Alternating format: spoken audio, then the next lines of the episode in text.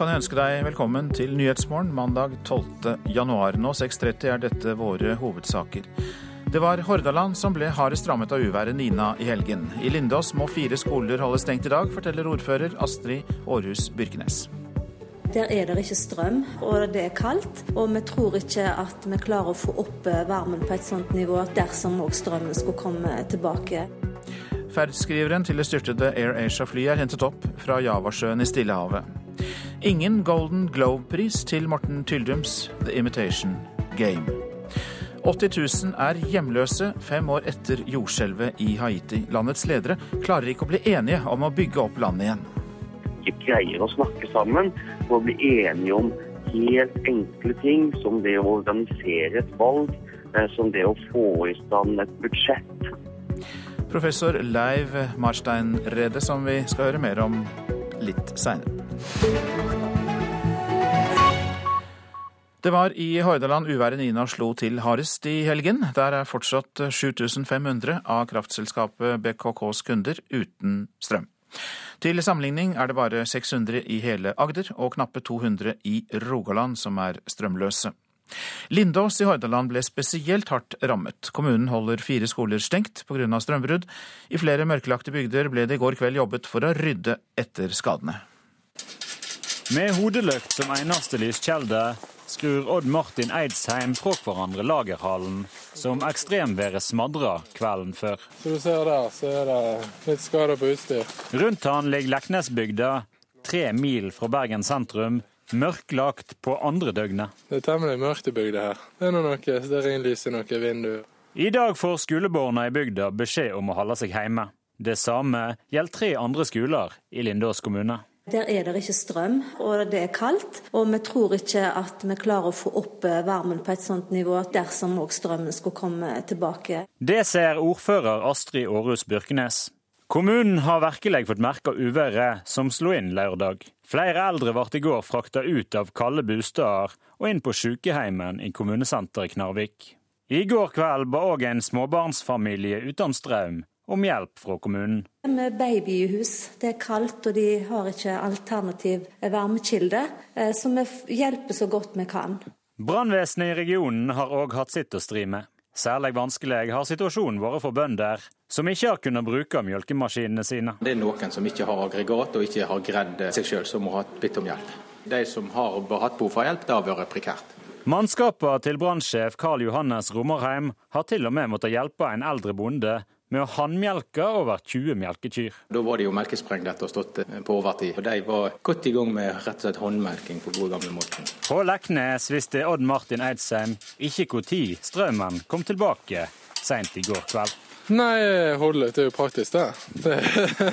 Men det eh, kunne godt vært litt strøm. Merker fort hvor sårbar han er. Og det var eh, Sølve Rydland som hadde laget denne reportasjen.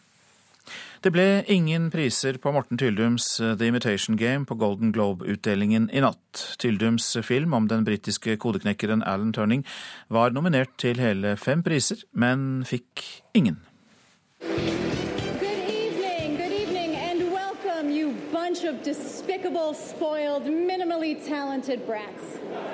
Slik låt det da konferansier Tina Fey sparket i gang årets Golden Globe Awards i natt. Forventningene til vår egen Morten Tyldum og hans The Imitation Game var store.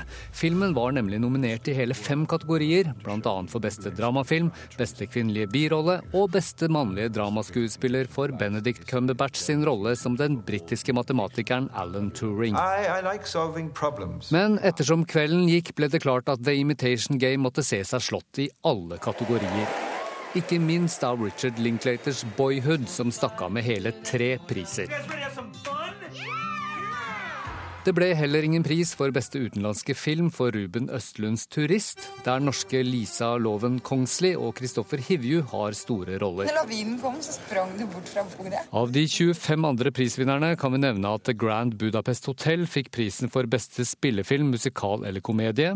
Julianne Moore fikk prisen for beste kvinnelige dramaskuespiller i filmen 'Still Alice'. Kevin Spacey fikk prisen for beste mannlige skuespiller i dramaserien 'House of Cards'. Beste miniserie ble 'Fargo', og prisen Prisen for beste dramaserie gikk til The Affair. Og reporter var Petter Sommer. USA-korrespondent Gro Holm, hvordan reagerer Morten Tyldum på at det ikke ble noen priser? Ja, jeg har snakket med kona til Morten Tyldum, Janne, og hun sier at eh, de, har, de, er selvfølgelig skuffet. Eh, og det er skuffelse som preger leiren, men de har bestemt, for, bestemt, seg for å gi seg selv fem minutter å, være skuffet på, og så skal de feste og gå videre. Og Hun sier også at eh, det jo var fantastiske konkurrenter de tapte mot.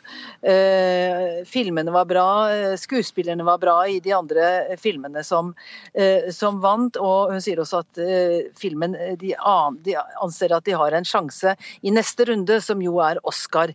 Og der kommer nominasjonene allerede førstkommende torsdag. Ja, en av de fantastiske konkurrentene var jo Boyhood, eh, en av kveldens store vinnere. Si litt mer om hva som er spesielt med den?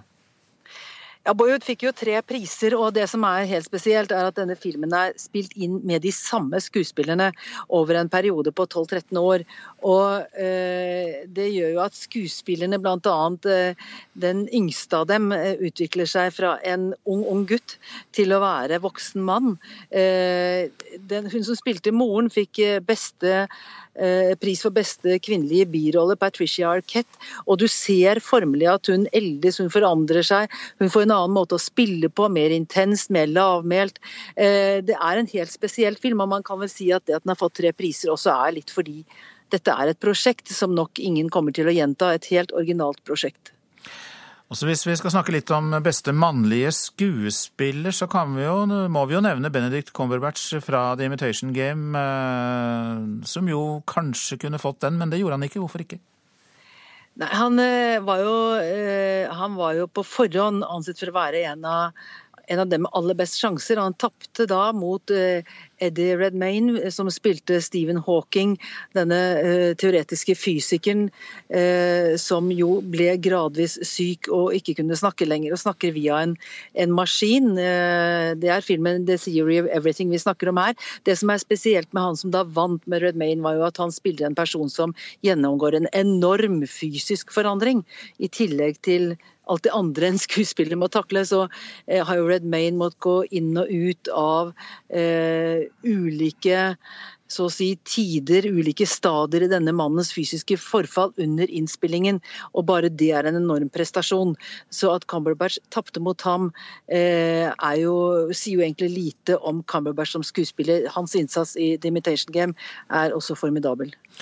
Du har jo holdt deg oppe, Gro Holm, for å følge med på dette for oss, eh, så da vil jeg gjerne høre litt mer om andre høydepunkter også.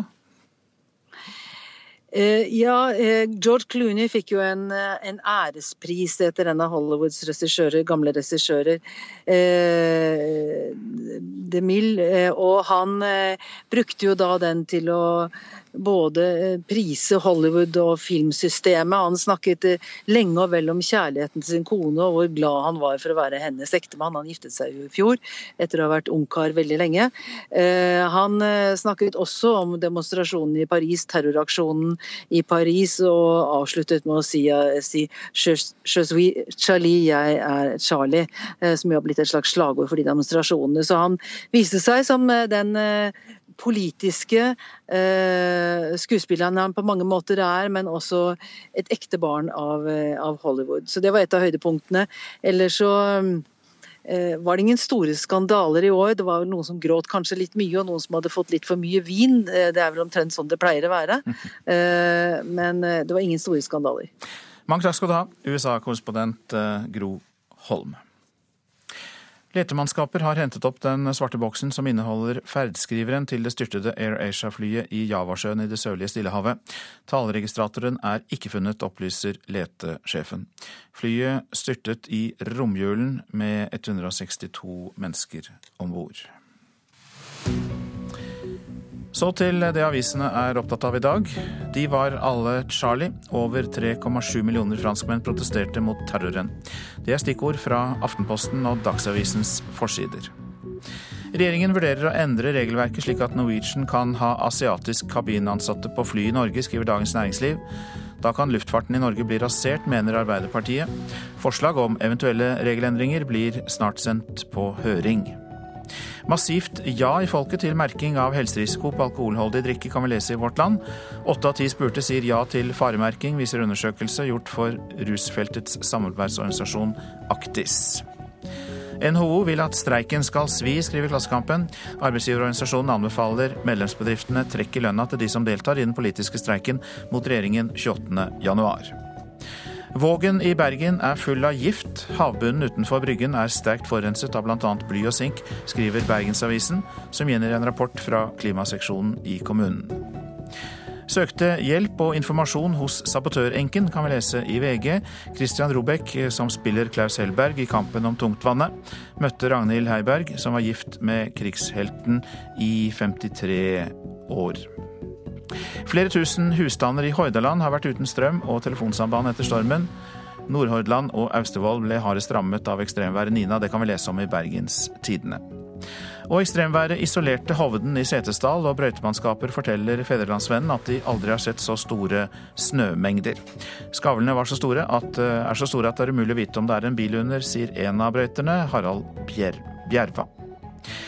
Finansekteparet Selina Middelfart og Tor Olav Trøim saksøkes for to millioner kroner av en hushjelp som jobbet i boligen deres i Florida, skriver Dagbladet. De anklages for brudd på den amerikanske arbeidsmiljøloven. Trøim sier til avisa at alle hushjelpens påstander er tilbakevist. Rammet av leddgikt, prostatakreft, blodpropp, hjerneslag og hjerteflimmer.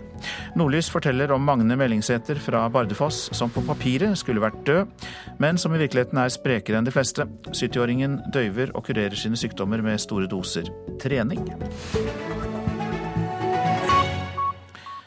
I Haiti er fremdeles 80 000 mennesker hjemløse etter jordskjelvet som rammet dem for fem år siden.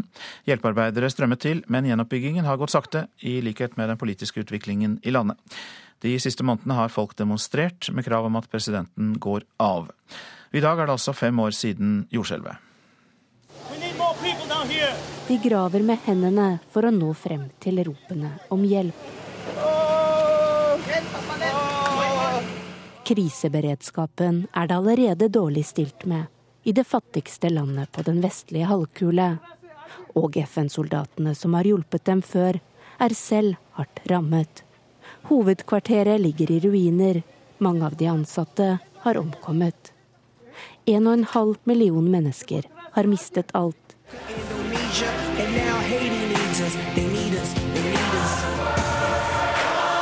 En hel verden mobiliserer for å hjelpe Haiti, blant dem amerikanske musikere. Mens dødstallene passerer 100 000, fylles feltsykehus med flere hundre tusen skadde. Fem år etter jordskjelvet går gjenoppbyggingen fremdeles tregt. Flere titalls tusen har stadig ikke tak over hodet, men må leve i enkle telt uten vann og strøm.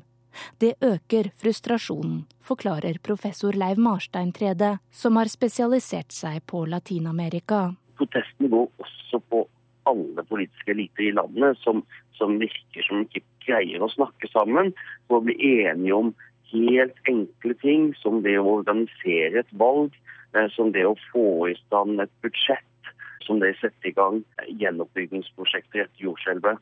Eh, så det er en sterk misnøye med alle politiske eliter, men dette rettes spesielt nå da mot, mot presidenten, selvsagt. Reporter her, Charlotte Berrefjord Bergløff.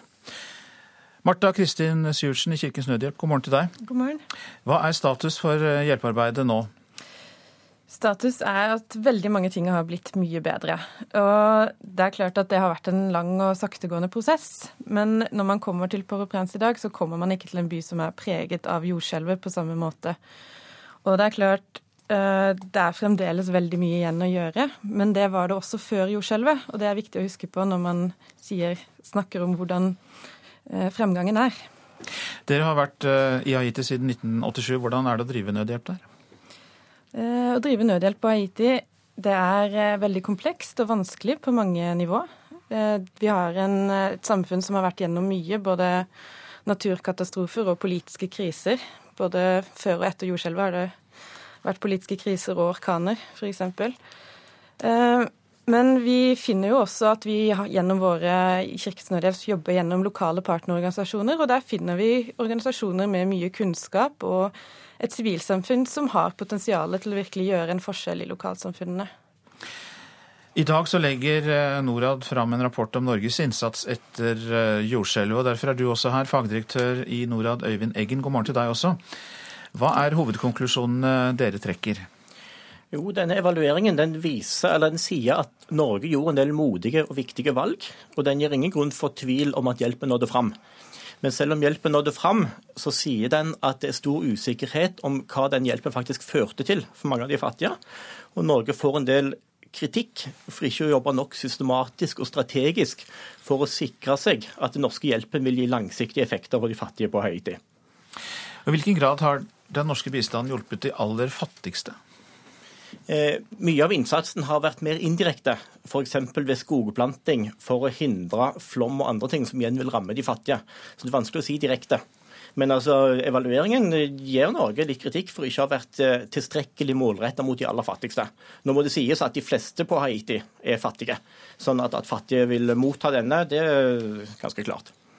Syversen, eh, dere i Kirkens Nødhjelp kjenner jo eh, Haiti, og vi hørte jo innslaget her om kaotiske politiske forhold. Tror du at den situasjonen blir forverret, at protestene bare kommer til å øke?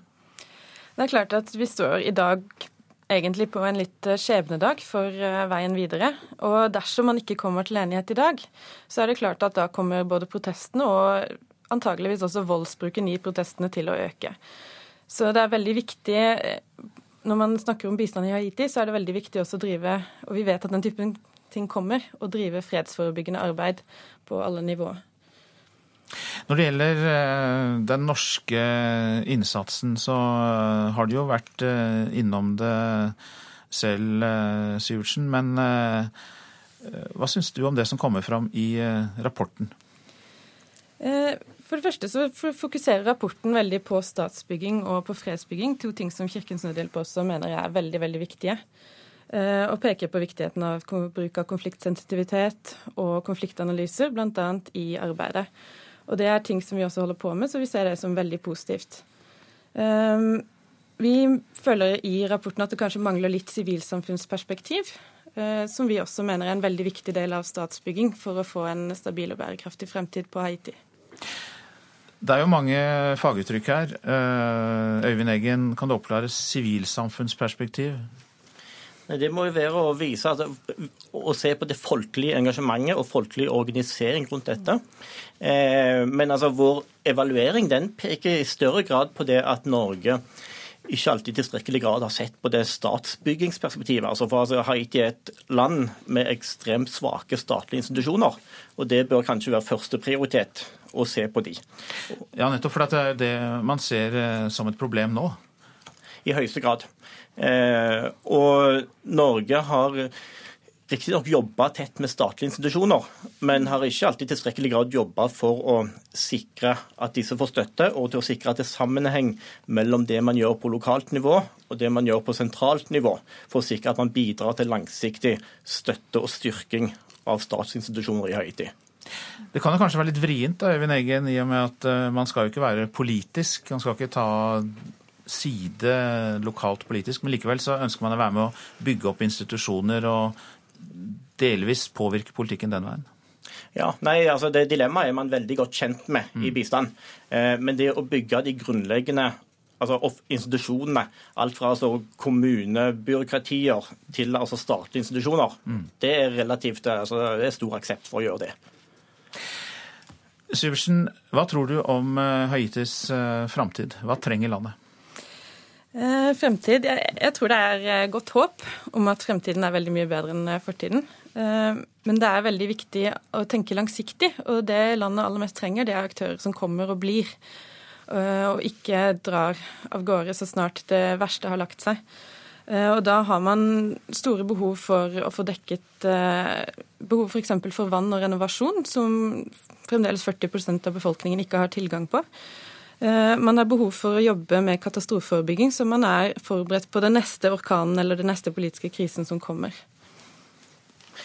Det er jo et område altså Norge har fått skryt for, er det at man tidlig bestemte seg for å satse langsiktig og jobbe, langsikt, jobbe på lang sikt, og til en viss grad prioritere det å hjelpe Haiti for mange mange år framover, framfor å bruke penger på den akutte nøden. Eh, samtidig som det da kom litt kritikk i denne evalueringen vår av at man ikke jobbet tilstrekkelig systematisk og strategisk for å sikre at de langsiktige effektene faktisk ville komme. Takk skal dere ha for at dere oppdaterte oss på Haiti. Eh, Marta Kristin Syversen fra Kirkens Nødhjelp og Øyvind Eggen fra Norad.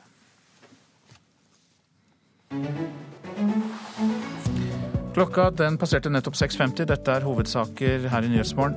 Det var i Hordaland uværet Nina slo til hardest i helgen. Det er fortsatt 7500 eh, av kraftselskapet BKKs kunder som ikke har strøm. Og Lindås holder fire skoler stengt i dag.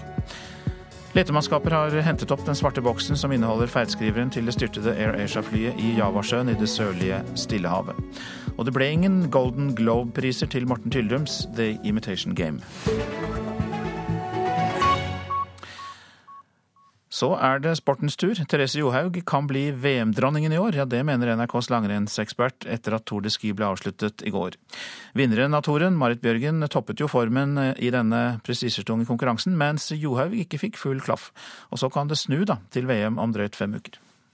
Det er stor sjanse for at uh, Therese Johaug kan bli uh, VM-dronning. Sånn det har utviklet seg nå, så kan det fort da gå i retning uh, med seier til Marit i, i Tour de Ski. At det er Therese som kanskje treffer med toppformen til, til VM.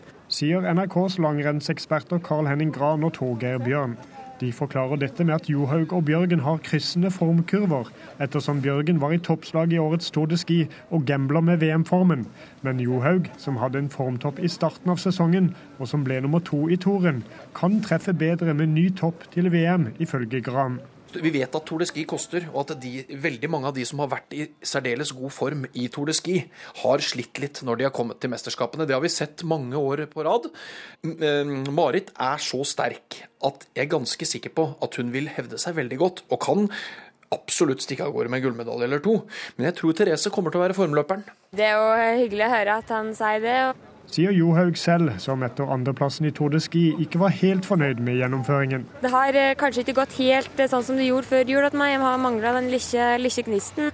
Får lagt inn en bra treningsperiode til VM, så håper jeg på at formen skal være der. Marit Bjørgen vet at hun gambler med VM-formen, men har tro på suksess i Falun. Jeg får en veldig god treningsperiode og en periode før VM, så får vi håpe at det skal bli bra.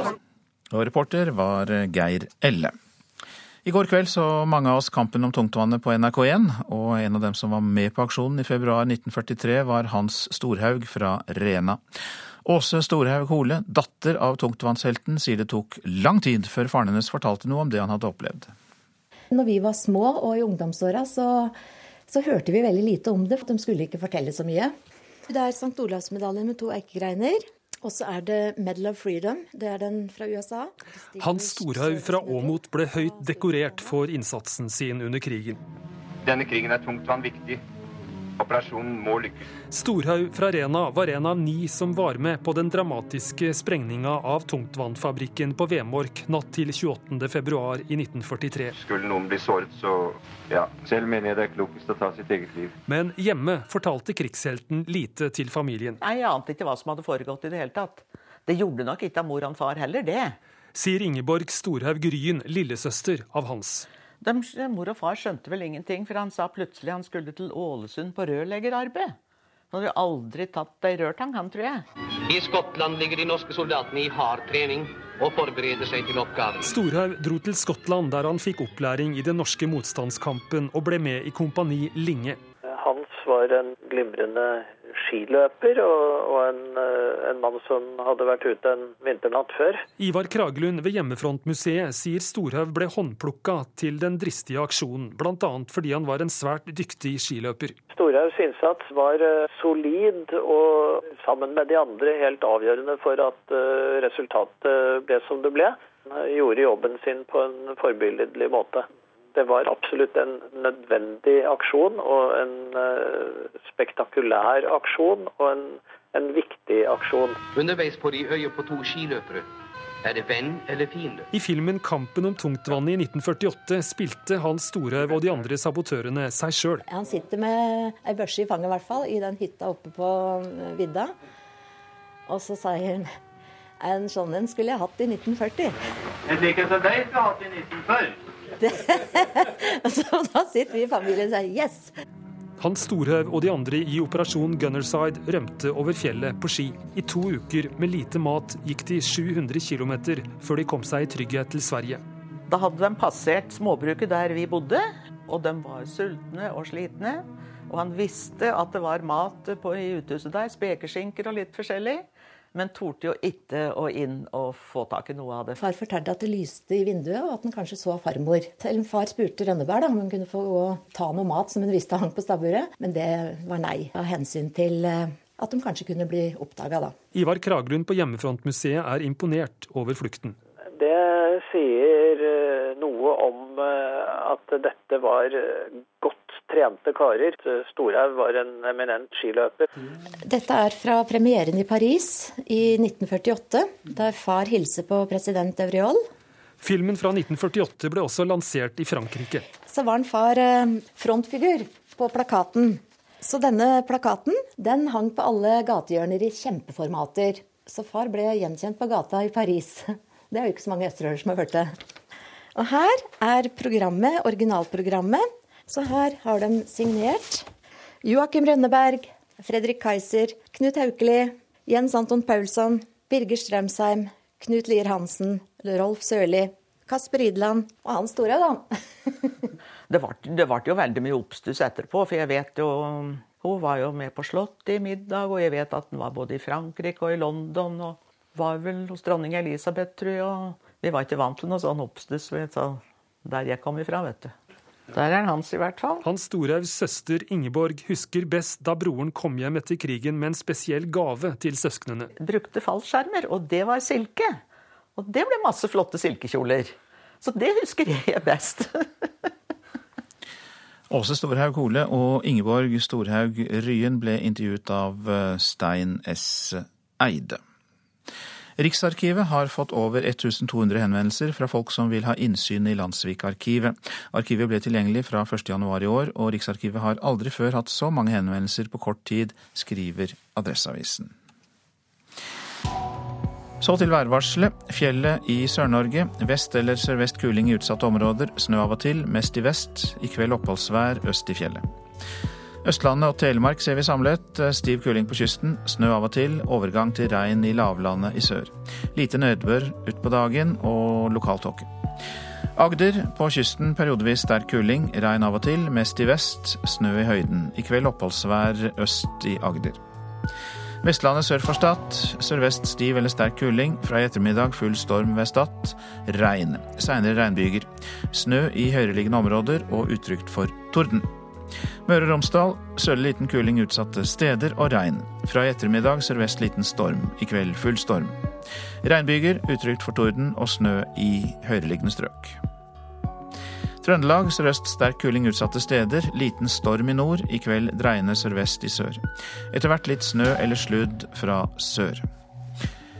Nordland øking til sørøstlig stiv kuling utsatte steder. Seint i ettermiddag økende til liten storm. Oppholdsvær. I ettermiddag og i kveld blir det snø som brer seg fra sør. Troms sørøstlig liten kuling utsatte steder. Fra i formiddag stiv kuling. I kveld kan hende sterk kuling. Og det blir oppholdsvær i Troms. Kyst- og fjordstrøkene i Vest-Finnmark sørøstlig liten kuling utsatte steder og oppholdsvær. Øst-Finnmark og Finnmarksvidda. På kysten i øst noe snøbyger, ellers mye pent vær og lokal tåke. Nordensjøland på Spitsbergen, der blir det oppholdsvær. Temperaturer, og disse ble målt klokka fire i natt. Svalbard lufthavn minus åtte. Kirkenes er nede i minus 30. Vardø minus fire. Alta minus 22. Tromsø minus 13. Bodø minus åtte. Brønnøysund og Trondheim-Værnes begge minus sju. Molde pluss 1. Bergen-Flesland 4. Stavanger 7. Kristiansand-Kjevik 6. Så går vi på minusgrader igjen. Gardermoen minus 9. Lillehammer minus 8. Røros minus 20 og Oslo-Blindern minus fem grader klokka fire i natt.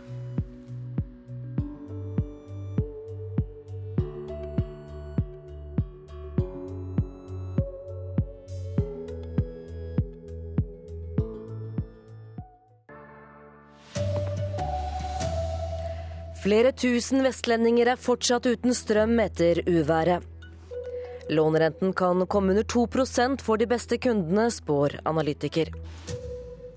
Her er NRK Dagsnytt klokka sju. Det var i Hordaland at uværet Nina slo hardest til i helgen. Der er fortsatt 7500 husstander uten strøm. Lindås kommune ble spesielt hardt rammet. Der holdes fire skoler stengt i dag pga. strømbrudd. Og Leknesbygda er mørklagt på andre døgnet. Det er temmelig mørkt i bygda her. Det er noe stearinlys i noen vinduer. I dag får skolebarna i bygda beskjed om å holde seg hjemme. Det samme gjelder tre andre skoler i Lindås kommune. Der er det ikke strøm, og det er kaldt. Og vi tror ikke at vi klarer å få opp eh, varmen på et sånt nivå dersom òg strømmen skulle komme tilbake. Det ser ordfører Astrid Aarhus Byrkenes. Kommunen har virkelig fått merke uværet som slo inn lørdag. Flere eldre ble i går frakta ut av kalde bosteder og inn på sykehjemmen i kommunesenteret Knarvik. I går kveld ba òg en småbarnsfamilie uten strøm om hjelp fra kommunen. Med babyhus, det er kaldt og de har ikke alternativ varmekilde, eh, så vi hjelper så godt vi kan. Reporter Sølve Rydland. Bankene kriger om de beste boliglånskundene. Det fører til økt forskjell på hva bankene tilbyr de beste kundene og de mer vanlige kundene. Det sier finansrådgiver Bente Olavsen. Hun opplever at bankene øker forskjellene på rentetilbudene på vanlige lån, mens rentene faller. Det har vært noen færre sammenstøt mellom partene i kampene i Ukraina den siste tiden. Det sier Nato-sjef Jens Stoltenberg til den tyske avisen Die Welt. Kampene mellom ukrainske regjeringsstyrker og prorussiske separatister pågår fortsatt, til tross for at partene inngikk en våpenhvile i september i fjor. Stoltenberg sier det er tegn på en liten bedring i situasjonen, men at det fortsatt er russisk militært personell i Ukraina som støtter separatistene. Avstanden mellom holdeplasser for trikk og buss må dobles for å øke effektiviteten. Det mener forskere som jobber for veimyndighetene. Stortinget har bestemt at all vekst i trafikken i byområder skal tas med kollektivtrafikk på sykkel og til fots. Da må farten i kollektivtrafikken opp og antall holdeplasser ned, sier daglig leder Bård Norheim i Urbanet Analyse.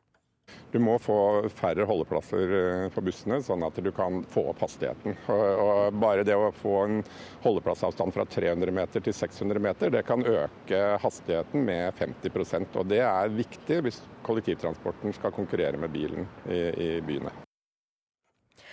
NRK Dagsnytt, Silje Katrine Bjarkøy. Renter ned mot ett-tallet hørte vi om i Dagsnytt. Her i Nyhetsmorgen spør vi om norske banker i framtida vil klare å møte konkurransen fra utenlandske. Og hva sier de funksjonshemmede til at det blir lengre avstand mellom bussholdeplassene? De svarer her i Nyhetsmorgen. Og jenter ned i tiårsalderen blir brukt som selvmordsbombere i eh, Nigeria. Norske lånekunder kan bli tilbudt eh, lånerenter på ett-tallet. Det spår eh, bankanalytiker i Svedbank, Bengt Kirkeøen. Men det er langt fra alle som vil bli tilbudt så lave renter. Hvor mye egenkapital er det dere går inn med kjøpet? Ca. to millioner. Ca. to millioner egenkapital. Mm. Finansrådgiver Bente Olavsen skal hjelpe en kunde med å få lån til å kjøpe en eiendom i Oslo. Og få lavest mulig rente. Hun merker at konkurransen bankene imellom om å reklamere med den laveste renta har hardnet. Jeg opplever at konkurransen mellom de beste kundene den er eh, ganske stor. Derfor spår også Svedbanks bankanalytiker Bengt Kirkøen at bankene vil fortsette med rentekutt. Ja, svaret er ja. og men forutsatt at pengemarkedsrentene følger Norges Bank, og det tror jeg de vil gjøre. Så da vil bankene følge etter og redusere boliglånsrentene sine ytterligere. Han tror lånerenta kan havne på ett-tallet. Rundt 2 eh, og du kan ikke utelukke at noen kan krype under 2% også. NRK har også snakket med sjeføkonom Erika Blomgren i SEB, som tror beste rente vil ligge rett over 2 Og eh, kjøpesummen, den er 9 millioner. 9 millioner. Hos Bente Olafsen Finans mener de at de rekordlave rentene er forbeholdt de få. Olavsen får henvendelser fra folk som betaler langt høyere rente enn det bankene reklamerer med. Han har sikkerheter innenfor 60% hadde litt svak betjeningsevne. Eh, boligen ligger litt glissent strøk. Eh, og banken vet da at denne kunden kanskje vil ha et problem med å refinansiere, og derfor så setter de ikke ned renten. Og jeg har mange slike eksempler. Hvor store forskjeller ser du normalt mellom de beste kundene og de hva skal jeg si, vanlige låntakere? Eh, en rentedifferanse på 0,5 til 0,6% er veldig vanlig. Eh, men den rentedifferansen den kan være til og med 1-1,5% på et vanlig boliglån innenfor 80% Øker denne forskjellen? Jeg opplever at forskjellen øker i dag ettersom renten går nedover og konkurransen blir hardere på de beste kundene. Hva skal disse kundene gjøre? Jeg anbefaler kundene å ta direkte kontakt med banken først og prøve å forhandle fram en bedre rente. Informasjonsdirektør Even Westeveld i Norges største bank, DNB, bekrefter at konkurransen om de beste kundene er meget hard, men sier ulike lånebetingelser også kommer av at folk og låneobjekter er svært ulike. Folk har litt forskjellig inntekt, og man har også forskjellig sikkerhet i boligen og bor litt forskjellige steder. Og så er det veldig sterk konkurranse om de aller beste kundene, og det kommer jo kundene til gode. Er det naturlig at det er en stor forskjell på eh, hva de beste kundene får av lånebetingelser, og de andre? Eh, det er naturlig at det er individuelle priser fordi man er forplikta til å gjøre individuelle kredittvurderinger. Eh, og det er store forskjeller mellom folk, både med tanke på sikkerheten i boligen og hvilken inntekt de har og hva de kan bære av en eventuell renteøkning senere. Da. Men betyr det at de aller beste kundene vil få enda bedre betingelser i forhold til vanlige kunder fremover, tror du? Hva vi gjør fremover, det kan jeg dessverre ikke si noe om. Men at vi skal være konkurransedyktige for alle eh, kunder, det har vi lovet, og det kommer vi til å holde. Reportere her Trond Lydersen og Hedvig Bjørgum. Og vi fortsetter med økonomi og finans, for høstens kraftige prisfall på olje har skapt bekymring i norsk næringsliv. DNB har undersøkt om norske bedrifter vil klare seg i konkurransen med utlandet. Og konserndirektør for storkunder i DNB, Harald Sterk Hansen, god morgen. God morgen, god morgen. Hva har dere funnet ut i eh, denne rapporten? Det vi har funnet ut, er at det er en rekke det vi kaller kulturelle og strukturelle trekk ved eh, norsk eh, samfunnsmodell og norsk næringsliv som støtter opp under industrinæringen. Og hvilke trekk er det? Da snakker du både om kulturelle og strukturelle. Ja, På den kulturelle siden så vil jeg gjerne trekke frem tillit. Det har vært gjort målinger som viser at Norge er det land i verden med aller størst tillit mellom mennesker. Det er tillit mellom politikere og, og velgere. Tillit mellom næringslivsledere og ansatte, og også tillit mellom fagforeninger og industriorganisasjonene. Mm. Uh, og jeg tror at denne tilliten smører hele samfunnsmaskineriet og tar ned transaksjonsomkostningene. Så var det strukturelle forhold i Norge som også virket gunstig åpenbart? Ja, der er det en rekke ting. Altså Vi har oljefondet som virker som en buffer. Vi har eh, flytende valutakurser. Og så har vi sterke klynger innenfor enkeltnæringer som, som energi, både olje og gass og, og, vannkraft, og også etter hvert de fremvoksende alternative energikildene. Eh, vi har det innenfor maritim næring, og vi har det innenfor sjømat. Så i dette tilfellet så er det gunstig å ikke være med på eurosamarbeidet, for du snakker om flytende valutakurs her, og krona svinger jo. Slik som næringsstrukturen er i Norge nå, så er det helt klart en fordel å ha en svingende valutakurs. Du kommer jo rett fra USA nå. Hva har du hentet av uh, informasjon og inspirasjon der? For det første så var, det, var, jeg nesten overrasket over hvor avslappet våre amerikanske kunder da, innenfor olje- og gassektoren var til dette oljeprisfallet. Mm. De forventet at det kom til å være relativt kortvarig. De hadde alle sammen vært igjennom tøffere oljeprisfall tidligere, og de så på det som en mulighet til å gjøre nødvendige eh, endringer. Og de sterke aktørene så det som en fantastisk mulighet til å gjøre oppkjøp og fusjoner. Du har jo pekt på en rekke positive ting, altså kulturelle faktorer, strukturelle faktorer. Eh, amerikanske kunder er ikke bekymret for den norske oljeprisen. Eh, men vi hører jo til stadighet om det høye norske kostnadsnivået. Men det har ikke du snakket om ennå, i hvert fall? Det er klart at I stor grad så er det høye norske kostnadsnivået kompensert gjennom et høyt effektivitetsnivå i Norge. Men når det er sagt, så er det kanskje viktig å peke på at produktivitetsnivået i norsk industri har flatet ut de siste årene, mens da lønnskostnadene har fortsatt å akselerere. Hvilken innvirkning har eh, lav kronekurs på akkurat det? Det vil kanskje snu det bildet litt? Vi regner at lønnsveksten nå kommer til å avta vesentlig i de neste par-tre årene. Ikke så hyggelig for den enkelte lønnstaker, men er det hyggelig for Norge som helhet? Ja, altså det, det, virker jo som en automatisk stabilisator i økonomien i en periode der oljeinvesteringene vil gå noe ned så vil resten av industrien få drahjelp gjennom den svekkede valutakursen. Men eh, kan man bruke denne rapporten fra dere i DNB Harald Serk-Hansen, som et uh, lite trumfkort uh, på at alt dette maset med kostnader ikke er så viktig, for vi har så mange andre positive forhold her i landet? Jeg tror i hvert fall man skal si at verken kostnader eller skatt isolert sett er det avgjørende men at det er en rekke faktorer som spiller inn for om industrien er konkurransedyktig. Og det er viktig å skyte inn da, at norsk industris død har blitt spådd i 150 år. Og den lever fortsatt i beste velgående. Og vi er overbevist om at den har en fortsatt positiv eh, fremtid. Og veksten i norsk industrieksport i fjor var på over 10% og nådde 303 milliarder kroner. Hjertelig takk, Harald Serk-Hansen, som altså er konserndirektør i DNB for uh, storkunder. Uh, nå skal vi høre at eh, folk i byområder må belage seg på å gå litt lenger til bussen i framtida. Ved å halvere antall holdeplasser kan buss og trikk komme fortere fram, mener forskere som har jobbet på oppdrag fra veimyndighetene. Stortinget har vedtatt at eh, trafikkveksten i åra framover ikke skal føre til mer bilkjøring i byområdene.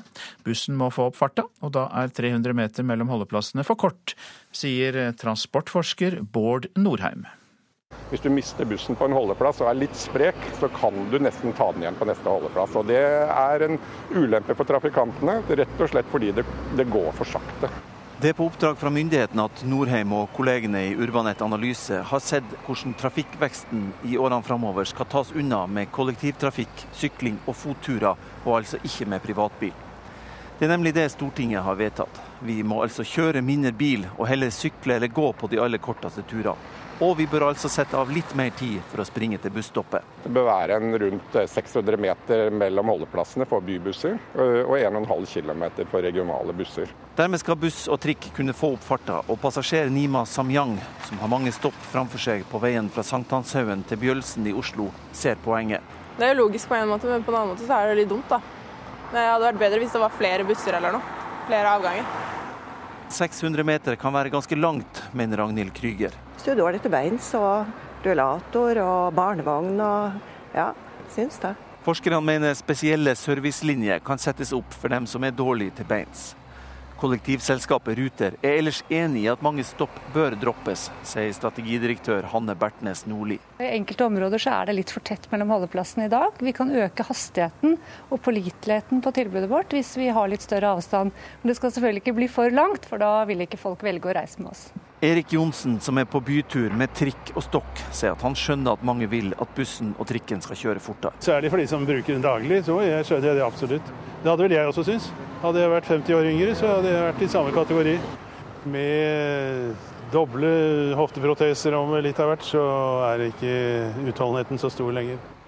Hvis du kan øke hastigheten for kollektivtransporten med 20% så kan du få en 20-25% flere reisende. Eh, nå vil noe av dette bli redusert fordi noen må gå lengre, men, men du kan få en 15-20% flere reisende hvis du får opp hastigheten. Men så vil det vel også føre til at noen eh, velger å ta bilen da, hvis det blir for langt til busstoppet?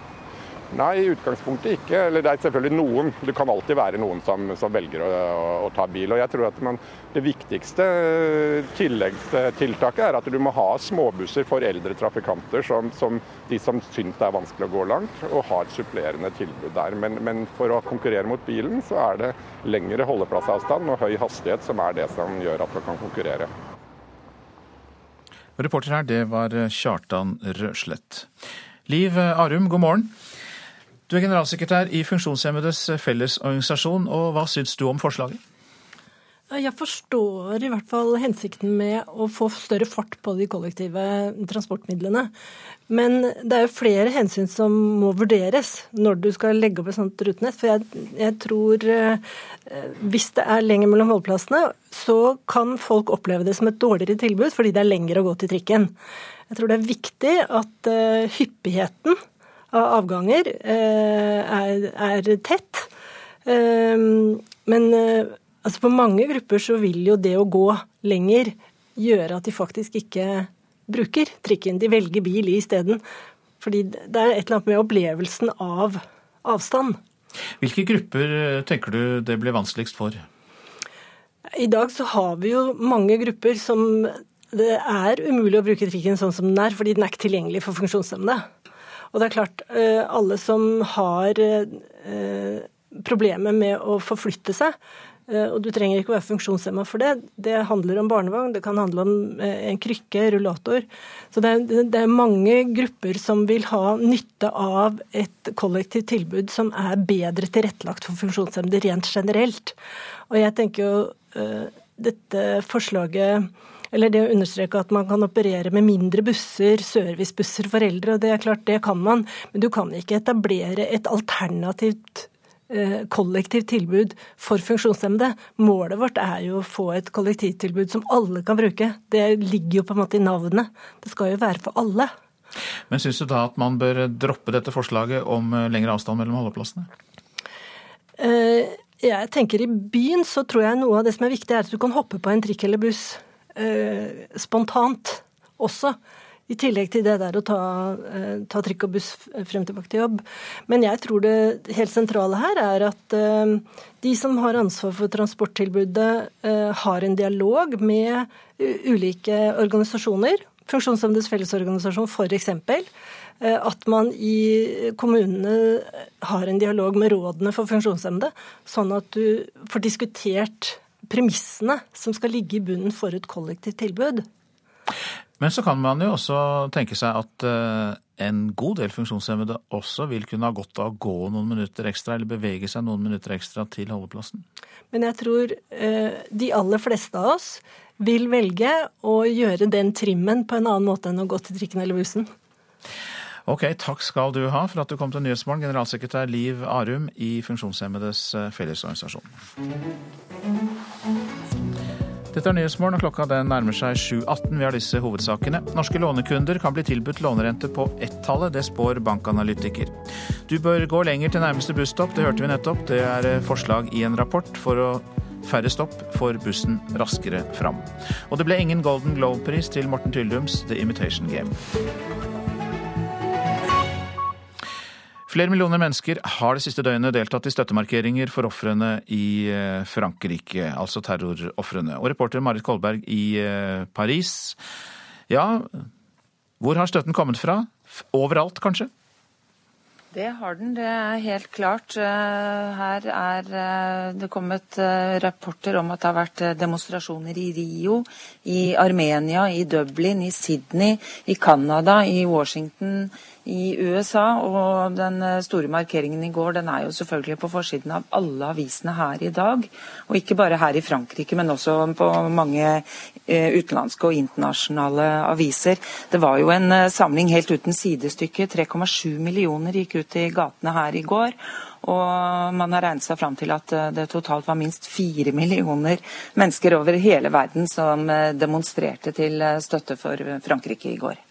Men én eh, sentral fransk politiker eh, gikk ikke i fremste rekke i Paris, i hvert fall sammen med de andre politikerne.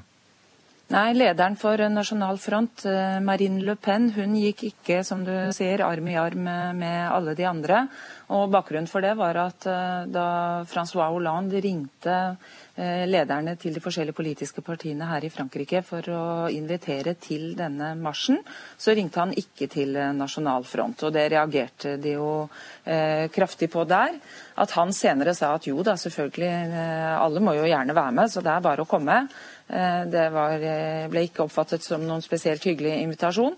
Og da reagerte partiets representanter med å si at greit, da går vi i andre byer, da går ikke vi i Paris. Så de var representert andre steder rundt om her i Frankrike. Men likevel så kan vel en så enorm markering bli et eh, veiskille. Hva tror du om veien videre i Frankrike når det gjelder samarbeidet mot terrorisme, mot rasisme? Ja, det er det egentlig alle spør seg nå, og som ingen uh, selvfølgelig har noe fullgodt uh, svar på. Um, og Statsminister Manuel Valls sa jo i går at han håper at denne spiriten varer, at samholdet kan vare. Ehm, så hvordan det blir, det er sannelig ikke godt å si. Eh, det ble også presentert en meningsmåling i går som viste at eh, det er bare 17% som sier de har blitt reddere etter disse to voldsomme angrepene som vi har sett her i forrige uke. Så det er vel egentlig bare å foreløpig vente og se hva, som kan bli veien framover. Mange takk skal du ha, reporter i Paris, Marit eh, Kolberg. I Nigeria har det vært to bombeangrep i helgen der tre jenter hadde sprengstoff festet til kroppen. En av dem skal ha vært bare ti år. 20 personer ble drept i angrepene, mange såret. Afrikakorrespondent Kristine Prestun, du er med oss nå, og hva slags reaksjoner er kommet på at barn brukes til slike angrep? FNs eh, barnefond sier i dag at dette kan ikke fortsette, at verden må våkne, og at ord ikke kan uttrykke den lidelsen som folk i dette området nå går eh, igjennom. Og I Nigeria så ber en talsmann for Forsvaret nå det internasjonale samfunnet om hjelp, men eh, det gjenstår å se om dette faktisk er en reell forespørsel, eller kun et forsøk på å vise handlekraft. Hvorfor bruker Boko Haram, ja vi må nesten si småjentene, tiåringer ned til ti år i disse angrepene? Første gang som Boko Haram brukte en kvinne i et selvmordsangrep, det var i juni i fjor. Og at det nå er barn som eh, får bomber festet til kroppen, viser jo en enda en eskalering i hensynsløshet. En grunn kan være symbolverdien. Altså Disse angrepene får eh, naturlig nok eh, internasjonal oppmerksomhet. På samme måte som verden først fikk øynene opp for denne konflikten da Boko Haram gikk til det skritt å kidnappe unge skolejenter studenter, eh, som de gjorde i Chibok eh, i fjor vår. En annen grunn er jo at disse angrepene naturlig nok sprer enda mer frykt i en allerede livredd befolkning. Og en tredje årsak er trolig at bombene er lett å gjemme under klesdrakten eh, til jentene. Og naturlig nok så mistenker jo heller ikke folk at barn eh, kan komme med bomber på et stappfullt marked, slik som en tiår gammel jente gjorde på lørdag. Nigeria er et stort land. Nigeria har Vest-Afrikas største hær. Hva er da grunnen til at de ikke klarer å bekjempe Boko Haram? Det er eh, det store spørsmålet. En talsmann for militæret har vist til at Irland brukte lang tid på å bekjempe IRA, og Sri Lanka brukte lang tid på å bekjempe de tamilske tigrene, mens de selv jo kun har kjempet i fem år mot Boko Haram og ber om tålmodighet. Men analytikere peker på mangel på våpen, på dårlig moral, og de jeg snakket med da jeg besøkte dette området, eh, sa også at disse soldatene de er jo trent først og fremst til å være i fredsbevarende operasjoner, altså de brukes i operasjoner over hele Afrika, og at det er noe helt annet å bekjempe voldelige islamister. Og så er det også analytikere som sier at presidenten i sør han frykter militærets makt, og derfor har tappet hæren for eh, ressurser. Og at han kanskje også har en viss interesse faktisk i å holde denne konflikten gående, fordi det snart er valg i, eh, i eh, Nigeria. Og hvis det er sånn som det er der nå, i dette området, ja da kan ikke disse menneskene gå til urnene og stemme. Og de vil helt klart ikke stemme på presidenten i sør. Mange takk skal du ha, Afrikakorrespondent eh, Kristine Presttun. Så til det avisene har på sine forsider i dag. De var alle Charlie. Over 3,7 millioner franskmenn protesterte mot terroren. Ja, det er stikkord fra Aftenposten og Dagsavisens forsider. Regjeringen vurderer å endre regelverket slik at Norwegian kan ha asiatisk kabinansatte på fly i Norge, skriver Dagens Næringsliv. Da kan luftfarten i Norge bli rasert, mener Arbeiderpartiet. Forslag om eventuelle regelendringer blir snart sendt på høring. Massivt eh, ja i folket til merking av helserisiko på alkoholholdig drikke, kan vi lese i Vårt Land. Åtte av ti spurte sier ja til faremerking, viser undersøkelse gjort for rusfeltets samarbeidsorganisasjon Aktis. NHO vil at streiken skal svi, skriver Klassekampen. Arbeidsgiverorganisasjonen anbefaler medlemsbedriftene å trekke lønna til de som deltar i den politiske streiken mot regjeringen 28.1. Vågen i Bergen er full av gift. Havbunnen utenfor Bryggen er sterkt forurenset av bl.a. bly og sink, skriver Bergensavisen, som gjengir en rapport fra klimaseksjonen i kommunen. Søkte hjelp og informasjon hos sabotørenken, kan vi lese i VG. Christian Rubek, som spiller Klaus Hellberg i Kampen om tungtvannet, møtte Ragnhild Hellberg, som var gift med krigshelten i 53 år. Og eh, ekstremvær isolerte Hovden i Setesdal, og brøytemannskaper forteller Fedrelandsvennen at de aldri har sett så store snømengder. Forsikringsselskapene måtte i fjor ut med 350 millioner kroner etter brannen i norske boliger som skyldtes elektriske feil. Tilsynsingeniør Stig Pettersen mener folk må bli flinkere til å passe på. Nå skal vi se om at jorda, det som skal være jorda, er på badet. Tilsynsingeniør Stig Pettersen hos Nordland Elsikkerhet kontrollerer det elektriske anlegget i ei leilighet på Mørkved i Bodø. På landsbasis er feil ved elektriske anlegg årsak til 20% av alle boligbranner. Det betyr tapte liv, tapte minner og selvsagt også tapte penger. Forsikringsselskapene har regna ut at de i fjor betalte 350 millioner kroner i erstatning etter branner som skyldtes elektriske feil i boliger og fritidshus. Det verste det er jo når det er nesten brann. At det er så varmt i enten eller det er kontakter. Da kan det være bare timer unna at det, at det brenner. Uten at folk oppdager det? Uten at folk oppdager det. Direktoratet for samfunnssikkerhet og beredskap har pålagt nettselskapene å kontrollere de elektriske anleggene i 5% av boligene hvert år. Det betyr at en huseier kan regne med å få besøk av eltilsyn hvert 20. år. I tillegg anbefaler en samla forsikringsbransje at man kan bestille en kontroll på eget initiativ, og dermed få lavere forsikringspremie. Her er avdelingsdirektør Steve Samuelsen Gjensidige Nordland. Ja, Vi oppfordrer for det første folk til å ta godt vare på sitt eh, eget eh, elektriske anlegg hjemme.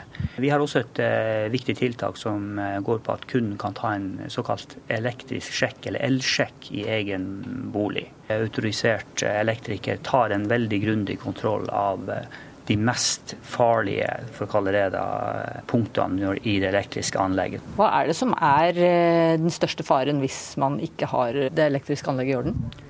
Du kan få branntilløp. I verste fall så brenner hele huset ned. Så det er ganske skumle greier, vil jeg si. skal vi se. Oi. I leiligheten på Mørkved har Stig Pettersen funnet en alvorlig feil i kontakten til varmtvannstanken. Her har vi typisk tegn på at her er det, her er det fare på ferde. Vi ser tydelig at han er, at han er svidd. Hvorfor har de ikke tatt fyr, tror du? Nei, det er ikke kommet så langt ennå. De kan stå eh, lenge før det, før det tar fyr. Hadde det vært kanskje to voksne og to-tre ungdommer som har dusja, at varmesaken har stått på hele døgnet, så hadde denne vært tatt fyr. Pettersen mener folk kan gjøre mer sjøl for å passe på elektriske anlegg i sine egne hjem. Drar fram komfyren, tar ut stikkontakten, se på den om det er varmgang varmtvannstanken din som står i veggen, alt av sånne kontakter som står fast i veggen. Ta de ut av det og kikk, se, kjenn. Steve Samuelsen i Gjensidige er enig i at folk må være oppmerksomme hjemme. For på pulten har han et stygt eksempel. Her er en automatsikring, eller rett og slett en sikring som har stått i et uh, sikringsskap hos en av kundene i Bodø. Og som vi ser, så uh, er det svimerker på den. Og, Hadde det begynt å brenne? Nei, det hadde ikke begynt å brenne. Det, det her det er avdekka gjennom en elkontroll. Så vi kan trygt si her at her kom elkontrolløren i grevens tid. For det her ville ha tatt fyr. Det var kanskje spørsmål om noen dager. Reporter var Vera Isaksen. Du lytter til Nyhetsmorgen, produsent i dag Marit Selmer Nedrelid, i studio Øystein Heggen. Det er frykt for politisk kaos i Haiti, det har vi hørt om tidligere i Nyhetsmorgen. Det får vi også høre mer om i reportasjen etter Dagsnytt. Og karikaturtegninger og skolemat er temaene i Politisk kvarter.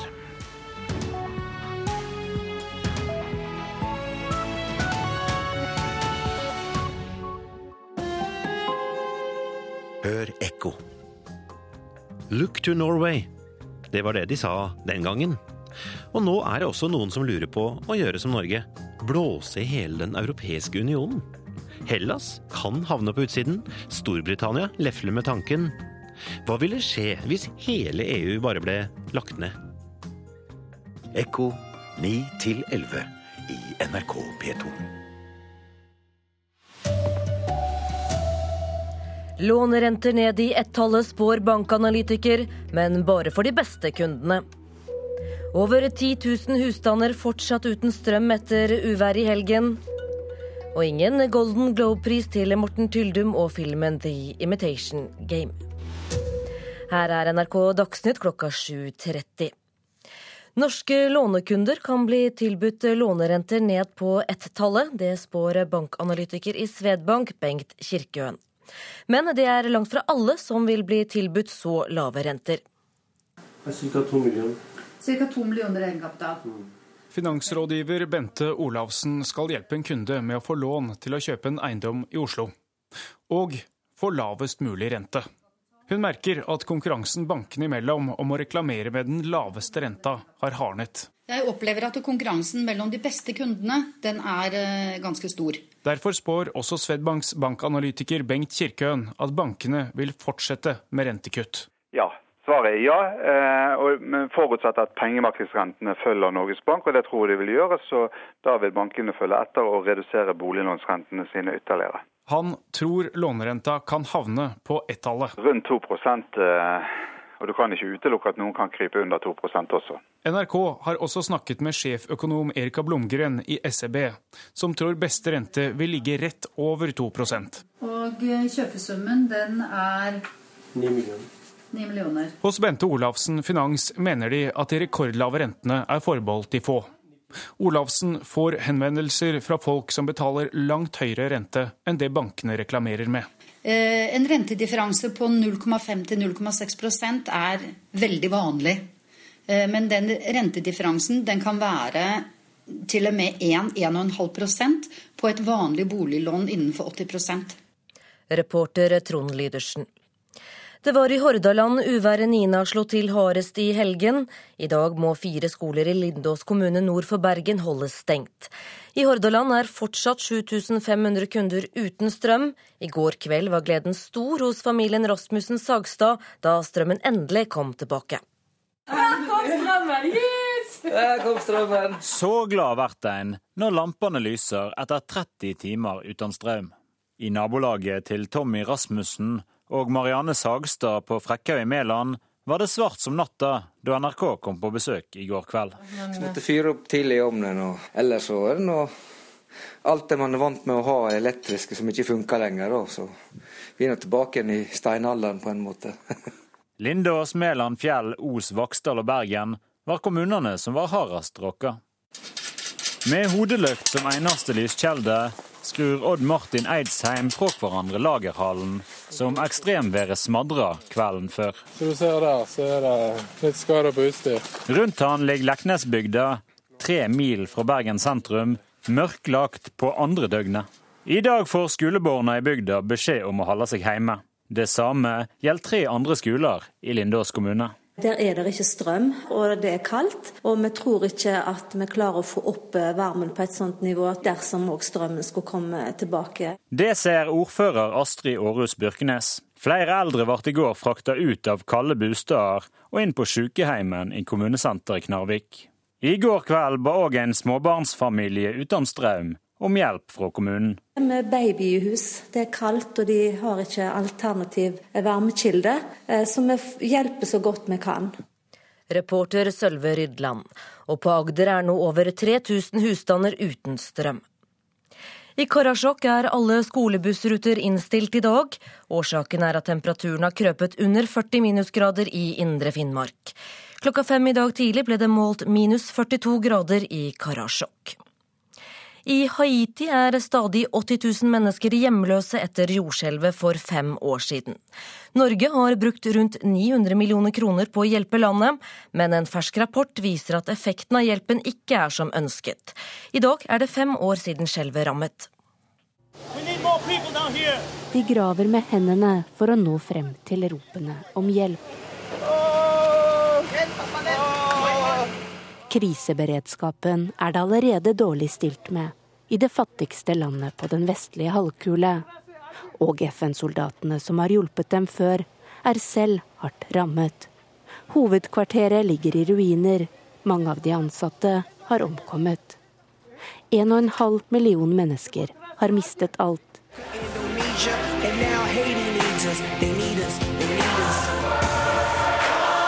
En hel verden mobiliserer for å hjelpe Haiti, blant dem amerikanske musikere. Mens dødstallene passerer 100 000, fylles feltsykehus med flere hundre tusen skadde. Fem år etter viser en evaluering gjort på bestilling av Norad at de ni millioner kronene som Norge har brukt på å hjelpe Haiti, har hatt begrenset effekt sier Øyvind Eggen i Norad. Norge gjorde en del modige og viktige valg, og den gir ingen grunn for tvil om at hjelpen nådde fram. Men selv om hjelpen nådde fram, så sier den at det er stor usikkerhet om hva den hjelpen faktisk førte til for mange av de fattige. Og Norge får en del kritikk for ikke å jobbe nok systematisk og strategisk for å sikre seg at den norske hjelpen vil gi langsiktige effekter for de fattige på Haiti. Charlotte Bergløff var reporter. Folk i byene må regne med å gå litt lenger til bussen i fremtiden. Ved å halvere antall holdeplasser vil buss og trikk komme raskere frem og gi et mer attraktivt tilbud, mener forskere som har jobbet på oppdrag fra veimyndighetene. Bussen må få farten, og da er 300 meter mellom holdeplassene for kort, sier transportforsker Bård Norheim. Hvis du mister bussen på en holdeplass og er litt sprek, så kan du nesten ta den igjen på neste holdeplass. Og Det er en ulempe for trafikantene, rett og slett fordi det, det går for sakte. Det er på oppdrag fra myndighetene at Norheim og kollegene i Urbanet Analyse har sett hvordan trafikkveksten i årene framover skal tas unna med kollektivtrafikk, sykling og fotturer, og altså ikke med privatbil. Det er nemlig det Stortinget har vedtatt. Vi må altså kjøre mindre bil og heller sykle eller gå på de aller korteste turene. Og vi bør altså sette av litt mer tid for å springe til busstoppet. Det bør være en rundt 600 meter mellom holdeplassene for bybusser og 1,5 km for regionale busser. Dermed skal buss og trikk kunne få opp farta, og passasjer Nima Samyang, som har mange stopp framfor seg på veien fra Sankthanshaugen til Bjølsen i Oslo, ser poenget. Det er jo logisk på en måte, men på en annen måte så er det litt dumt, da. Det hadde vært bedre hvis det var flere busser eller noe. Flere avganger. Forskerne mener spesielle servicelinjer kan settes opp for dem som er dårlige til beins. Kollektivselskapet Ruter er ellers enig i at mange stopp bør droppes, sier strategidirektør Hanne Bertnes Nordli. I enkelte områder så er det litt for tett mellom holdeplassene i dag. Vi kan øke hastigheten og påliteligheten på tilbudet vårt hvis vi har litt større avstand. Men det skal selvfølgelig ikke bli for langt, for da vil ikke folk velge å reise med oss. Reporter Kjartan Røslett. Det ble ingen priser på Morten Tyldums The Imitation Game på Golden Globe-utdelingen i natt. Tyldums film om den britiske kodeknekkeren Alan Turing var nominert til hele fem priser, men fikk altså ingen. Skuespiller George Clooney ble hedret med ærespris, og benyttet sjansen til å hedre ytringsfriheten og protestene mot terroren i Frankrike. One last thing. Uh, uh, today was an extraordinary day. There were millions of people that marched. And they didn't march in protest. They marched in support of the idea that we will not walk in fear. We won't do it. Je suis Charlie. Thank you. Jeg er Charlie, sa George Clooney, som med det valgte å avslutte talen sin med en hyllest til de franske markeringene mot terror da han mottok Golden Globes ærespris i natt. At han skulle få prisen var kjent på forhånd. De største forventningene, sett med norske øyne, var derfor knyttet til vår egen Morten Tyldum og hans The Imitation Game. Filmen var nominert i hele fem kategorier, bl.a. for beste dramafilm, beste kvinnelige birolle og beste mannlige dramaskuespiller for Benedict Cumberbatch sin rolle som den britiske matematikeren Alan Turing. I, I like Men ettersom kvelden skred frem, ble det klart at The Imitation Game måtte se seg slått i samtlige kategorier. Ikke minst av Richard Linklaters Boyhood, som stakk av med hele tre priser. Det har ikke lykkes NRK å få en uttalelse fra Morten Tyldum ennå, men vår USA-korrespondent Gro Holm har vært i kontakt med en som er sammen med Tyldum på prisutdelingen. Ja, jeg har snakket med kona til Morten Tyldum, Janne, og hun sier at eh, de er selvfølgelig skuffet. Eh, og det er skuffelse som preger leiren, men de har bestemt seg for å gi seg selv fem minutter å være skuffet på, og så skal de feste og gå videre. Reporter Petter Sommer. Riksarkivet har fått over 1200 henvendelser fra folk som vil ha innsyn i Landsvik-arkivet. Arkivet ble tilgjengelig fra 1.1 i år, og Riksarkivet har aldri før hatt så mange henvendelser på så kort tid, skriver Adresseavisen. Ansvarlig for denne sendingen var Sven Gullvåg, teknisk ansvarlig Lars Tronsmoen, og mitt navn er Silje Katrine Bjarkøy.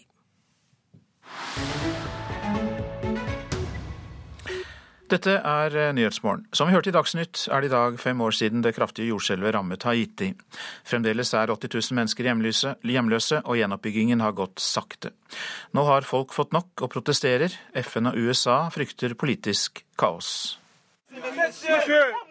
Legg fra deg kamera og kom og hjelp meg. Benet mitt er i klem. Den unge gutten ligger fanget i ruinene av det som var et hjem.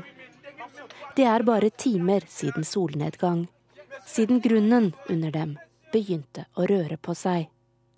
Kort tid etter var byen hans, hovedstaden, forvandlet til en slagmark. De graver med hendene for å nå frem til ropene om hjelp. Kriseberedskapen er det allerede dårlig stilt med i det fattigste landet på den vestlige halvkule og FN-soldatene som har hjulpet dem før, er selv hardt rammet. Hovedkvarteret ligger i ruiner. Mange av de ansatte har omkommet. En og en halv million mennesker har mistet alt.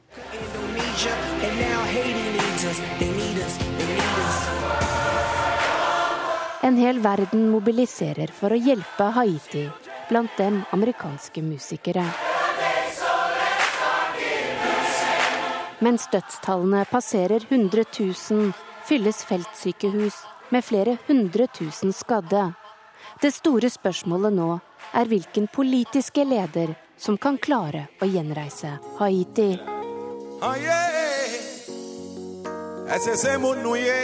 Kjent under kallenavnet Søte Mickey kunngjør plutselig den lokale musikeren Michel Martelly sitt kandidatur til presidentvalget samme år for så å overraske alle med seier. I mai 2011 blir han innsatt som Haitis president. Drøye tre år senere fyller frustrerte velgere gatene med krav om at presidenten går av og utlyser valg. For det er på høy tid. Kommunevalget skulle vært avholdt for over tre år siden. Kongressvalget i høst ble det heller ikke noe av. Vi ser at en minoritet kontrollerer landets rikdom, mens majoriteten lider, forklarer en tidligere senator, som også er ute og demonstrerer. Fem år etter jordskjelvet går gjenoppbyggingen fremdeles tregt. Flere titalls tusen har stadig ikke tak over hodet, men må leve i enkle telt uten vann og strøm. Det øker frustrasjonen, forklarer professor Leiv Marstein Trede, som har spesialisert seg på Latin-Amerika. Protestene går også på alle politiske eliter i landet, som, som virker som ikke greier å snakke sammen å bli enige om helt enkle ting, som det å organisere et valg, eh, som det å få i stand et budsjett som det setter i gang gjenoppbyggingsprosjekter etter jordskjelvet. Eh, så det er en sterk misnøye med alle politiske eliter, men dette rettes spesielt nå da mot, mot presidenten, selvsagt. Tåregass og gummikuler for å få bukt med demonstrantene. I desember trakk statsministeren seg i håp om å roe gemyttene. Men folket gir seg ikke. Mandag blir en skjebnedag. På femårsdagen for jordskjelvet må de folkevalgte vedta en ny valglov og stemme inn en ny regjering for å kunne fortsette å styre. Konsekvensene kan bli dramatiske dersom de ikke kommer til enighet, tror Marstein Trede. Da frykter jeg at eh, de protestene som man ser nå, som har spredd seg og utviklet seg, og blitt delvis mer voldelige også, at de kommer til å fortsette. Og det var Charlotte Bergløff som hadde laget denne reportasjen. Dette er Nyhetsmorgen, dette er hovedsaker. Lånerentene kan komme ned på ett-tallet, spår bankanalytiker, men bare for de beste kundene. Over 10 000 husstander er fortsatt uten strøm etter uværet på Vestlandet og Sørlandet i helgen. Du bør gå lenger til nærmeste busstopp, foreslås det i rapport. For færre stopp i byene får bussene raskere fram. Ingen Golden Globe-pris til Morten Tyldum og filmen The Imitation Game. Neste post på programmet er Politisk kvarter. Programleder der er Astrid Randen.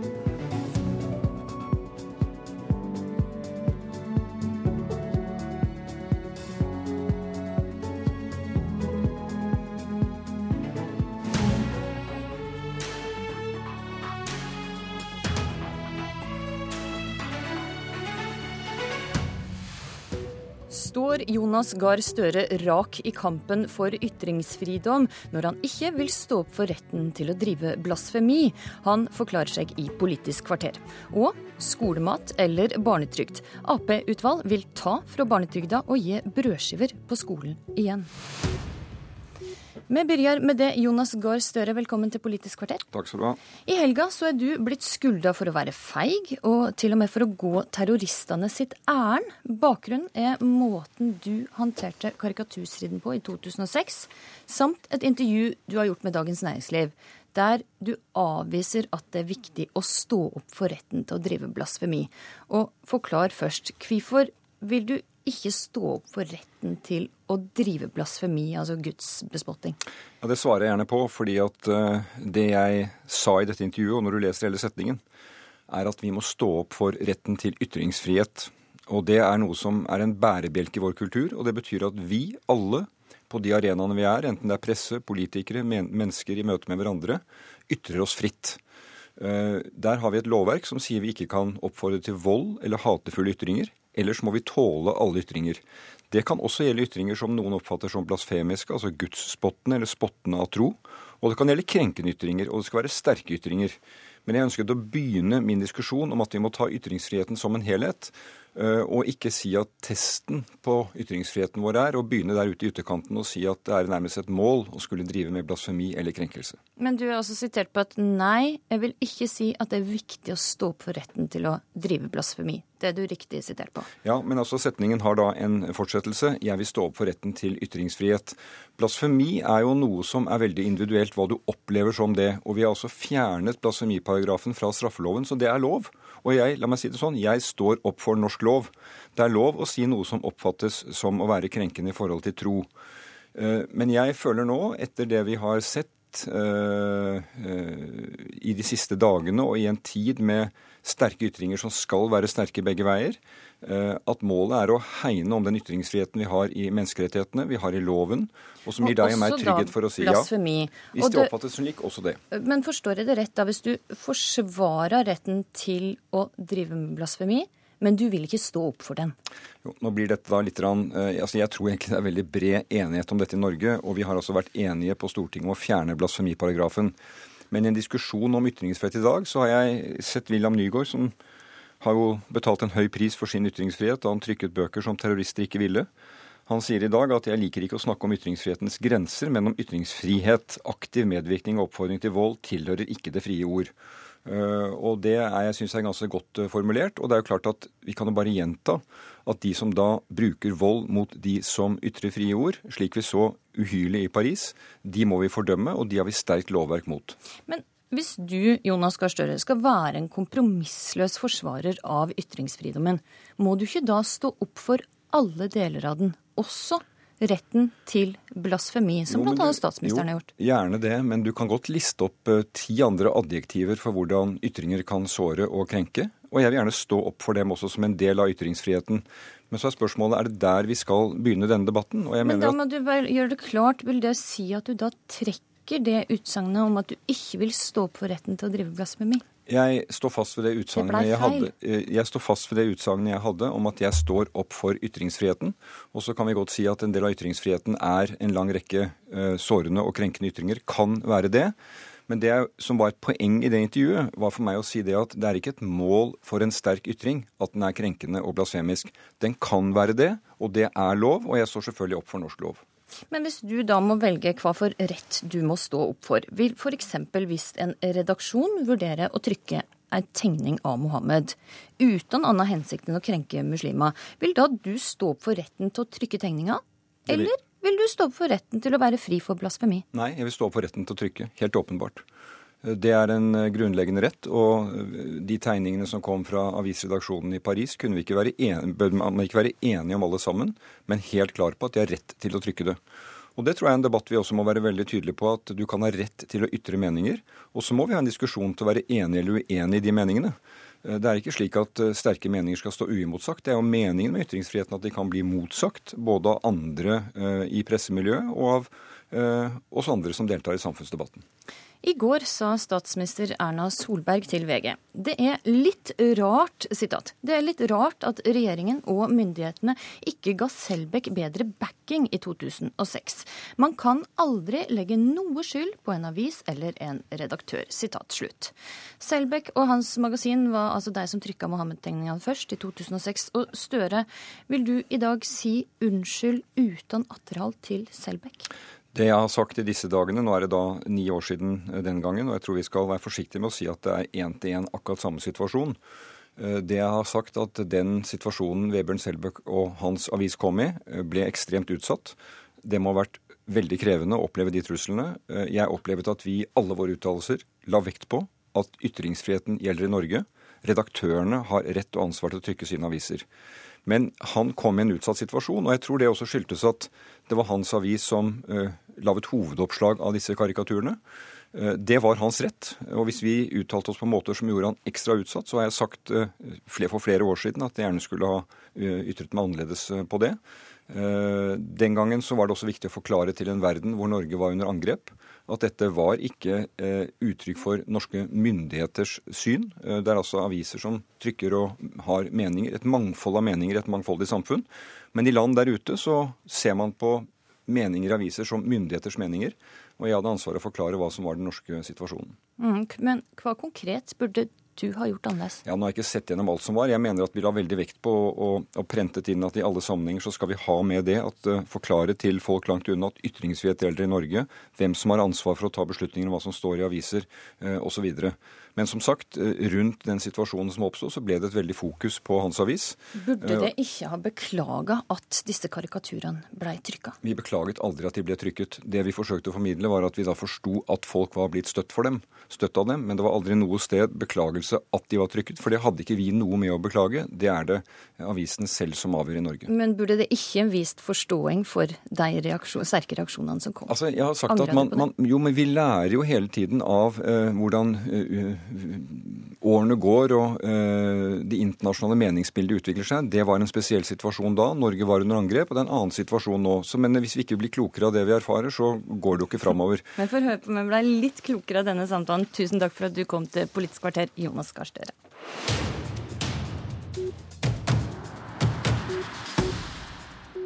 Skal vi til en evig grønn debatt i norsk politikk, nemlig skolemat. For på Dagsrevyen i går fortalte leder i Arbeiderpartiet sitt helseutvalg om et nytt forslag.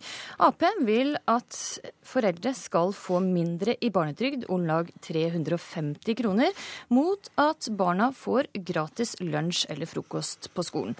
Og Torgeir Micaelsen, du har leia dette utvalget for Arbeiderpartiet. Og som alle husker, forrige runde så for vi begynner med det aller viktigste. Hvor er det du har tenkt å servere barna på skolen?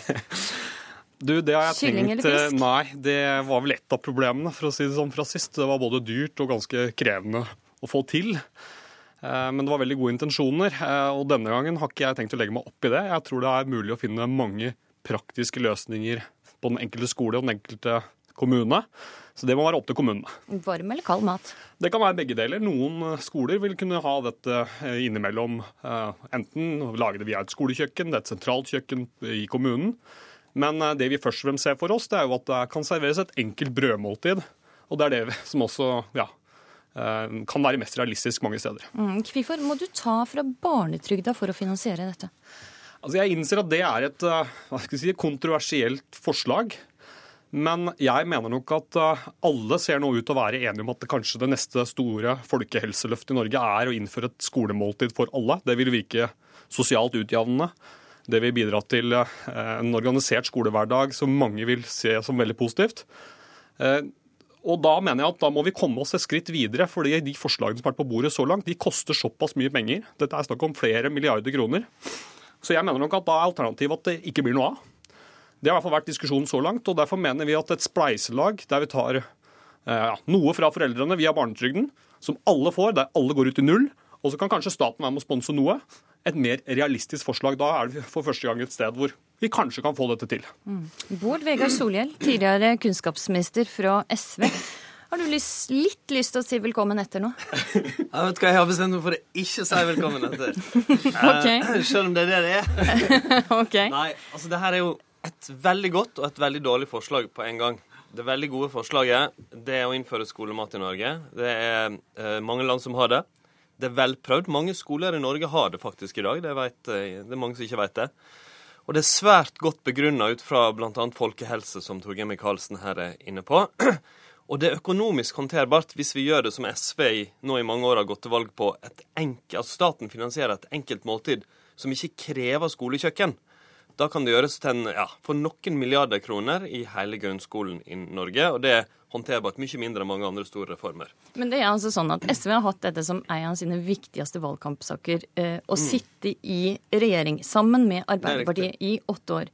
Hvem er det som, hvem er det som har hindra at skolemat har blitt noe av eh, Ta bort Vegard ja, det, det er kun én grunn til at vi ikke har skolemat i Norge, og det er at Arbeiderpartiet har vært imot det. Fordi da, Hvis Arbeiderpartiet hadde vært for det i 2005 eller 2009, så hadde det vært flertall på Stortinget for det. Det litt, det litt snurrige er jo at partier som Frp og flere sentrumspartier har vært for det i hele den perioden, men har gått vekk fra det i sine programmer nå. Så nå kommer Arbeiderpartiet inn fra sida og blir for det. Og det er altså jubel for det. Men, men det, må liksom, være lov til å være altså, Av og til kunne tenke meg hvis Arbeiderpartiet kunne bruke litt kortere tid på å lytte for fornuft, så hadde det vært en stor fordel for elevene i Norge, for da hadde vi sannsynligvis hatt det. Uh, og så må jeg bare få lov til uh, kort å si det er veldig dumt at de foreslår å finansiere det synes jeg, med et flatt kutt i barnetrygden. Altså, Alle foreldre i Norge får barnetrygd. For mange med god økonomi spiller den ikke så stor rolle, selv om det er et bidrag. Hvis du har dårlig økonomi, så er det kanskje de pengene som gjør at du har råd til at ungene dine kjøper bursdagspresang, går i en bursdag. Det er kanskje ny sykkel, eh, spart opp til nye ski til vinteren, sånne ting. Mm. Så det er Men... veldig dumt at de som har dårlig økonomi, sin, en ordning som Fordelingsutvalget, et offentlig utvalg, sa var svært viktig, skal finansiere det, når vi har så mange andre gode måter å finansiere det på. Men, men Michaelsen, må en altså ta eller... disse pengene, som er så viktige ja, for mange? Altså, jeg, det letteste for meg og for utvalget hadde vært å foreslå å innføre et skolemåltid à la det SV har sagt, betalt av oss alle. Via skatteseddelen eller via oljepenger. Poenget er at jeg skal gjøre mye på eldreomsorg. Eh, jeg skal bygge ut sykehusene våre.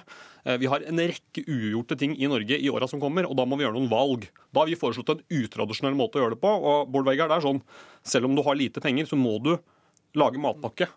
Jeg som har brukbar råd, familien min har god råd, vi må også lage matpakke. Så det er ingen som får mindre av dette forslaget om jeg må betale ja, 10-15 kroner hver dag for å sende meg matpakke for mine barn på skolen. Eller om det, et øyeblikk, eller om det måltidet finansieres via da, ja, felleskassa på en eller annen måte, og mine barn tilbys det samme måltidet, så går jeg ut i null. Så er jeg enig i at det er en utfordring at de som har aller dårligst råd, uh, uh, fortjener disse pengene aller mest. Men jeg har ikke noe annet forslag i dag, og jeg utfordrer jo egentlig altså SV og alle andre til å reflektere over at bare det å foreslå nye store milliardreformer uten å ha noen som helst idé av ny idé i hvert fall, på hvordan det skal betales for, det tror jeg er urealistisk, og det bringer ikke saken videre. Altså, for jeg får lov å si, kjære Torgeir, altså, Problemet i dag er jo at en del familier ikke sender med barna sine skolemat på skolen. Nettopp. Så hvis du, tar en familie, hvis, lov, hvis du tar en familie med dårlig råd, som ikke gjør det kanskje, for de har ikke ressurser ofte til det, og så skal du finansiere en bra ting for dem med å ta fra dem 350 kroner, som er kjempeviktig for dem i måneden. Det er elendig fordelingspolitikk, for å sette ord på det. Så er det andre Hvordan vil du finne disse pengene? Ja, Vi foreslo i sist valg å finansiere det ved å innføre en finansskatt i Norge. At finansnæringa i Norge eh, skal betale skatt som andre næringer, noe et offentlig utvalg har innført. Jeg ville trodd kanskje at Arbeiderpartiet var enig med SV at finansskatt var en bedre finansiering enn barnetrygd. Men et alternativ er jo å finansiere sånn som vi finansierer alle reformer.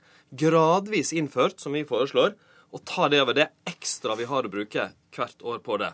Og så må, må, jeg liksom bare si det er altså av alle ikke dårlig finansiering sin skyld for at vi ikke har det. Det er fordi det ikke har hatt politisk flertall til nå. Og jeg tror dere gjør saken en bjørnetjeneste hvis vi nå skal holde på i ti år med at det kun kan bli skolemat hvis det finansieres med å kutte barnetrygd. Ja, så er det en effektiv måte å hindre at det blir innført. Del de to forslagene, skaff flertall med Høyre eller noen til det med barnetrygd, og så kan vi arbeide for flertall for skolemat i Norge. Det er en kjempebra ting at Arbeiderpartiet har kommet etter SV. Da kan vi få det til. Men uh, Bård Vegar, bare så, altså, det er nettopp det som er poenget i det du sier. Det er veldig mange som i dag har, får barnetrygd, som bl.a. skal finansiere mat, som ikke sender med barna sine matpakke. Og Hvis vi da kan få det til på en utradisjonell måte i regi av skolene, så ville veldig mange sette pris på det. Det er jeg helt sikker på. Der fikk du siste ordet, Torgeir Micaelsen, Bård Vegar Solhjell. Takk for at det kom til Politisk kvarter. Hele forslaget til Arbeiderpartiet sitt helseutvalg blir lagt fram i morgen. Det var Politisk kvarter, i studio Astrid Randen.